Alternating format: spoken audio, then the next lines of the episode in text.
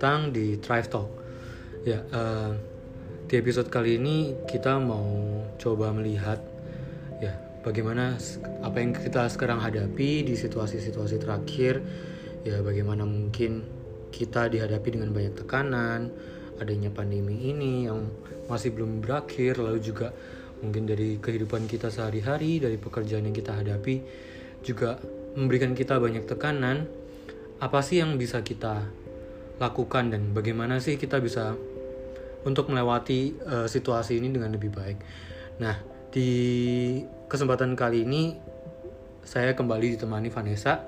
Ya, kita mungkin akan sedikit mengobrol kira-kira apa sih yang kita bisa lakukan selama pandemi ini. Ya. Halo teman-teman Thrive Talk. Ya, eh, pandemi nggak selesai-selesai nih ya kayaknya. Jadi eh, memang agak berat juga. Kalau dari Vanessa sendiri gimana nih buat ngadepin pandemi ini? Perasaannya sampai sekarang kayak gimana nih?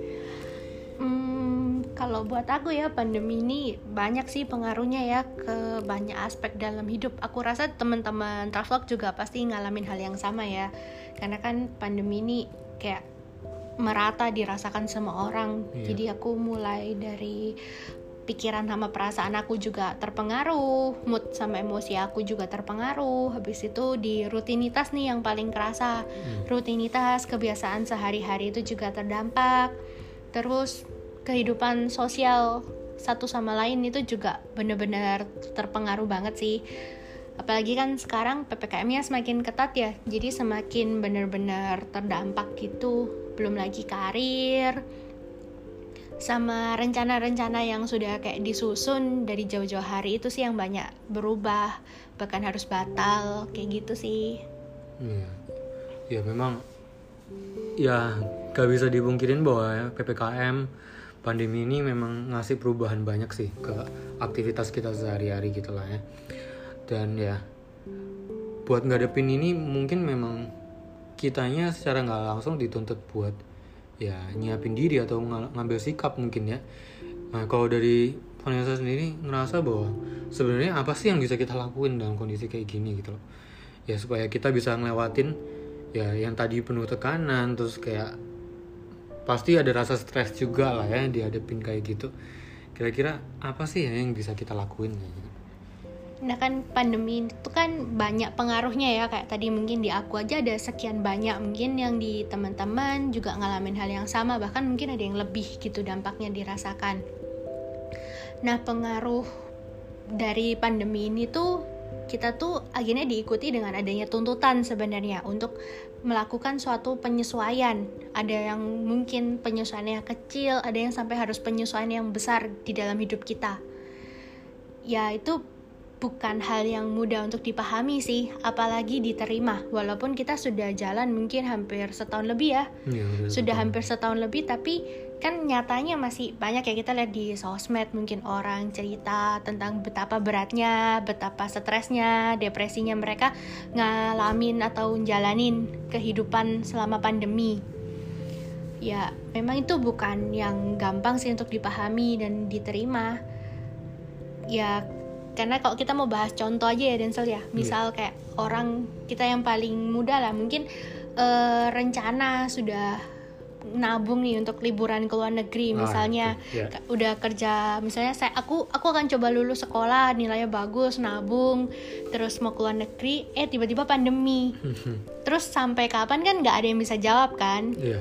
terus mungkin yang lebih parah untuk saat ini dirasain mungkin untuk orang-orang yang lagi kerja misal yang hmm, habis lulus berharap bisa dapat kerja dengan gampang masuk ke perusahaan datang ke kantor tiba-tiba susah kerja pun harus dari di rumah yang pasti kan tantangannya nggak sama ya sama datang ke kantor Mm-mm. kenalan langsung sama rekan kerja gitu Iya. Terus ada yang mungkin maunya dipromosi nih, sudah banting tulang untuk kejar promosi, tahu-taunya harus batal nih karena ada efisiensi dari perusahaan kan banyak juga kan yang ngalamin kayak gitu.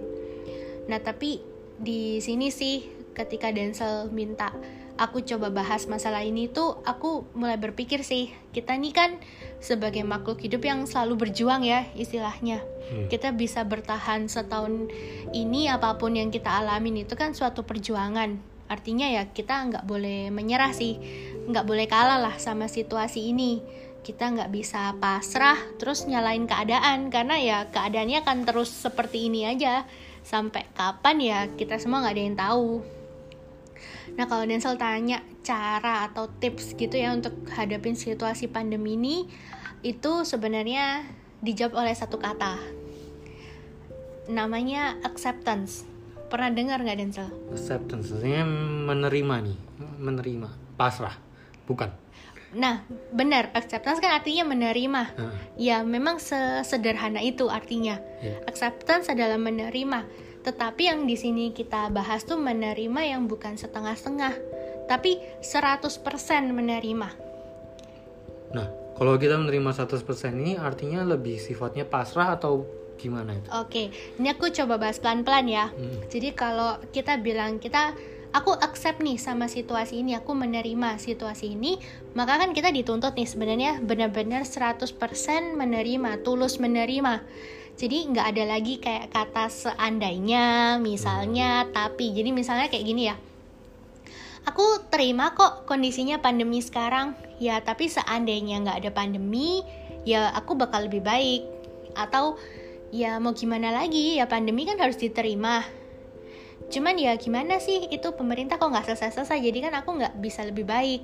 Hmm. Nah itu kan sebenarnya kita cuman menerima itu di mulut ya, tapi secara diri kita belum menerima itu 100%. Gitu. Ini jadi saya kayak oke aku mau terima tapi kayak masih ada gantungannya atau belum move on mungkin ngomongnya ya. Iya, jadi menerimanya ya baru ya kayak tadi aku bilang di mulut gitu. Kadang itu yang kita sadar nggak sadar ya kita lakukan.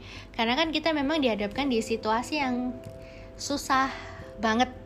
Nah, masalahnya di situasi pandemi ini kan bukan sesuatu yang kita bisa ubah kan. Iya. Kayak kita nggak mau nih ada pandemi, Iya. ya udah kita bisa ubah nggak pandemi, ya nggak bisa.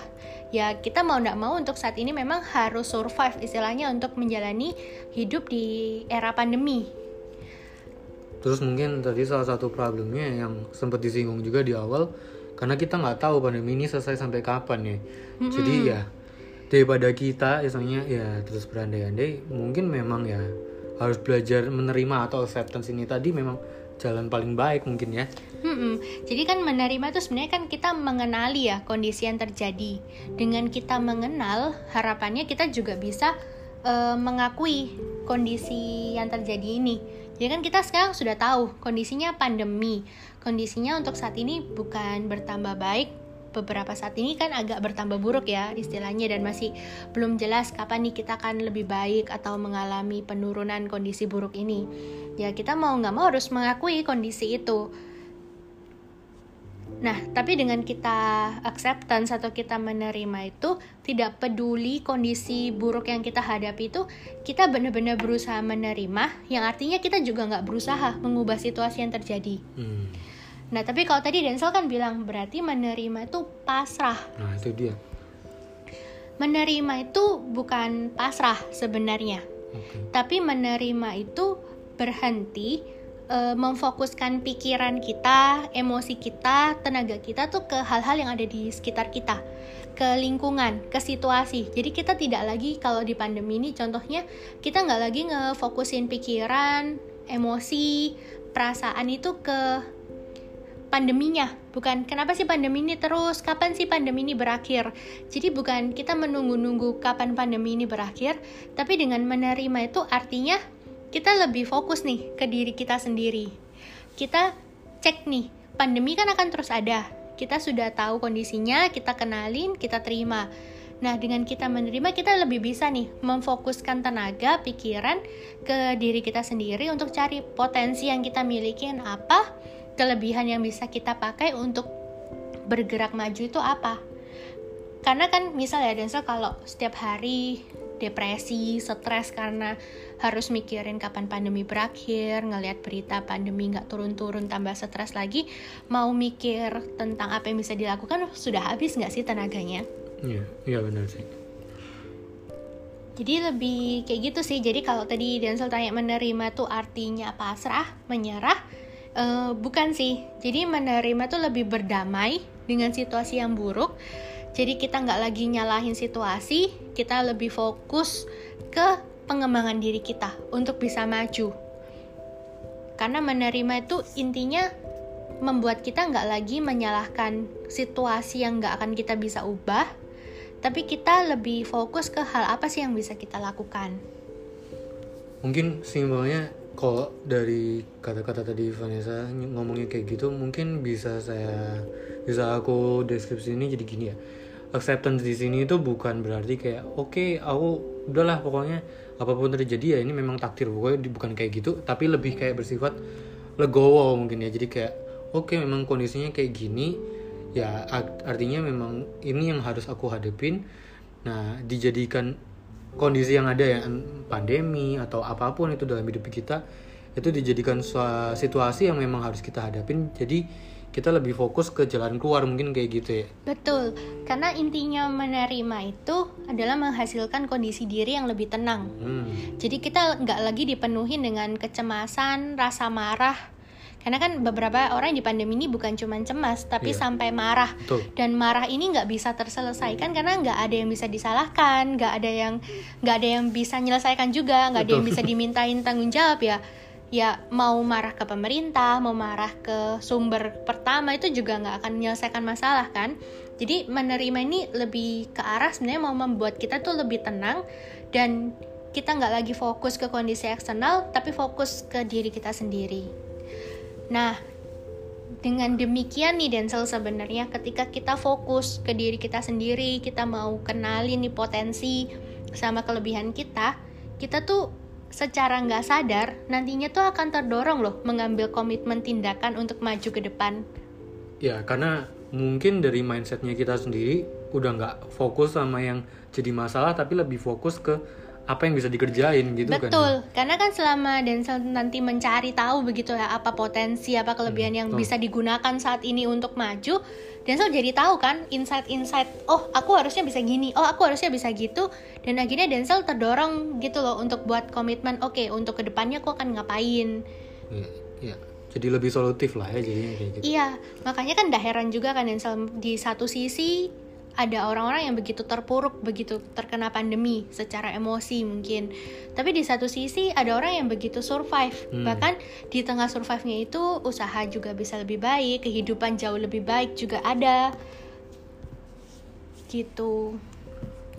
Hmm. Ya, menerima ya, acceptance. Nah, tapi nih kalau kita ngomong ya dalam kondisi kita jalanin sekarang ya buat kita ngelakuin acceptance namanya move on ya kayak namanya putus dari lagi habis putus gitu ya. Kan ini acceptance ini kan istilahnya kita diajak buat move on misalnya gitu. Betul berpikir betul. maju ke depan berpikir buat cari sesuatu yang positif. Iya betul. Itu kan nggak gampang gitu. Iya memang acceptance menerima itu bukan hal yang mudah sih. Benar-benar butuh kesadaran diri dan effort. Hmm. jadi kita yang biasanya marah menyalahkan ini sekarang harus berhenti menyalahkan harus berhenti marah berusaha menerima itu nggak gampang cuman ketika kita sadar begitu ya kalau memang kita mau marah kita mau sedih mau menyalahkan juga nggak ada hasilnya kan memang satu-satunya jalan adalah menerima begitu iya. nah dalam kondisi kayak gitu kita ngadepin kesusahan kira-kira apa sih yang konkret yang bisa kita lakukan buat supaya misalnya kita bisa siap buat jalanin itu gitu. Oke, okay. kalau mungkin ya ini hal hal-hal dasar yang mungkin bisa dilakukan. Kadang kan kita marah, kita stres, kita depresi, mungkin hmm. beberapa teman ngadepin itu karena secara emosi mungkin tidak bisa tersalurkan hmm. emosi negatifnya tidak tersalurkan dengan baik tidak bisa keluar begitu ya entah alasannya karena nggak tahu mau marah ke siapa mau nyalain siapa mau minta tanggung jawab ke siapa Nah, kita mungkin bisa mulai begitu untuk mencatat emosi negatif. Mencatat di sini tuh bisa secara tertulis, bisa dengan rekam suara. Kan setiap orang berbeda-beda ya, Denzel ya. Tapi apa sih pentingnya kita mencatat emosi-emosi negatif? Kita kan oh, tadi membahas ya acceptance itu kan menerima situasi buruk yang terjadi. Accept, acceptance sendiri itu juga mendorong kita untuk mengenali lo emosi kita tuh apa Oh, terkait oke. situasi itu. Misalnya aku terkait pandemi ini aku marah. Aku semarah apa? Apa yang aku pikirkan? Apa yang aku rasakan? Itu yang aku catat. Aku akan coba take some note begitu untuk setiap emosi-emosi yang aku rasakan di kala apa aku juga akan catat. Jadi aku akan lebih mengevaluasi apakah perasaanku itu memang tepat atau sebaiknya tidak dimunculkan begitu. Kemudian selanjutnya ketika kita sudah bisa menuangkan bisa menuangkan setiap emosi-emosi itu dalam sebuah catatan, mungkin kita juga bisa mulai membuat list potensi dan kelebihan kita apa. Nah, karena ini sih kuncinya ketika perasaan kita lebih berperan saat ini karena hancur secara emosi, secara mental kita hancur, mau nggak mau kita harus lebih fokus nih ke pikiran kita secara rasional. Nah, pikiran kita tuh butuh sesuatu yang lebih realistis. Mungkin tuh bisa terrealisasikan dengan sesuatu yang kita catat, kita tulis, kita rekam, untuk kita kembali dengar dan kembali evaluasi. Ya jadi ini misalnya ternyata acceptance ini kalau apa yang dari yang Vanessa barusan sampein artinya memang acceptance ini nggak cuman sekedar kayak kita berusaha nerima situasi sama kondisi yang ada tapi memang kita juga nerima diri kita sendiri posisi dalam ngadepin masalah ini kayak gimana gitu ya. Iya, dan dalam Denzel nanti misal kalau mencoba juga ya ketika mencatat potensi itu kita juga harus lebih menghargai diri karena mungkin ada potensi-potensi yang kita rasa itu sangat kecil atau sederhana itu catat juga karena kita nggak tahu hal sederhana itu yang bisa mengubah hidup kita Iya. bisa berperan paling besar dalam hidup kita. Jadi jangan kecilkan potensi kita sendiri, catat saja. Dengan begitu kan kita kayak brainstorming ya. Kita akhirnya mengenal ternyata aku nggak selemah ini loh ngadepin pandemi. Mm. Ternyata masih ada loh yang bisa aku hadepin. Nah dari sana ya jangan catat doang ya, tapi ya mulai berani memilih komitmen yang akan diambil. Hmm. Ya ini istilahnya mengenal diri terus kita kita namanya lagi berusaha buat move on yang memang tadi memang susah gitu ya. Ya ini kita ya istilahnya kumpulkan apa pun yang segala sesuatu yang kita punya ya kita ubah jadi sesuatu yang positif kayak gitu ya. Mm-mm. Begitu. Ya mungkin untuk bagaimana nanti kita akan komitmen lebih jauh apa yang harus kita lakukan untuk berpegang erat sama komitmen mungkin kita akan bahas lebih lanjut kali ya Denzel ya. Ya, mungkin di sesi berikutnya nanti. Oke, supaya tidak terlalu panjang sih. Tapi maksudnya ini step by step kalau diawalin ya itu kita harus kenal emosi dan kita harus kenal sama potensi kita. Kira-kira terakhir nih ada pesan yang mungkin bisa jadi kayak oh ya reminder kita kalau kita dalam kondisi kayak gini kita harus ya ingat loh ada acceptance ini yang harus kita jalanin. Kira-kira ada pesan sederhana nggak mungkin yang bisa buat kita jadi inget gitu apa? Ada aku mau coba kasih quote singkat aja sih. Ya. Kayak lari dari masalah itu hmm, itu tidak menyelesaikan masalah. Itu malah menjauhkan kita dari solusi yang ada. Hmm. cara paling mudah untuk menghindari masalah itu adalah menyelesaikan tapi kita tidak bisa menyelesaikan suatu masalah kalau kita tidak mau menerima kenyataan bahwa masalah itu ada Wah, ini benar-benar dalam dan mungkin ya memang harus kita benar-benar bisa ingat bahwa ya ini jadi sesuatu yang penting ya acceptance ini. Ya, ya semoga ya sesi kali ini ketika kita bicara tentang acceptance ini ya bisa jadi misalnya bekal buat kita eh, buat kita ngadepin situasi-situasi sulit ya mungkin nggak pandemi ini aja ya. Tapi juga mungkin dalam hidup kita namanya masalah itu pasti ada gitu. Namanya situasi sulit tuh juga pasti ada betul betul. Ya kira-kira ya semoga acceptance ini bisa jadi satu pengingat buat kita dan jadi solusi buat kita juga buat ya terus move on buat tetap maju. Ya nanti kita akan bahas secara lebih detail lagi di sesi berikutnya tentang eh, gimana buat bisa jalanin ini mungkin ya seperti itu. Oke, ya lebih jalanin komitmen yang sudah dibuat begitu ya. Iya. Oke, sekian untuk episode kali ini.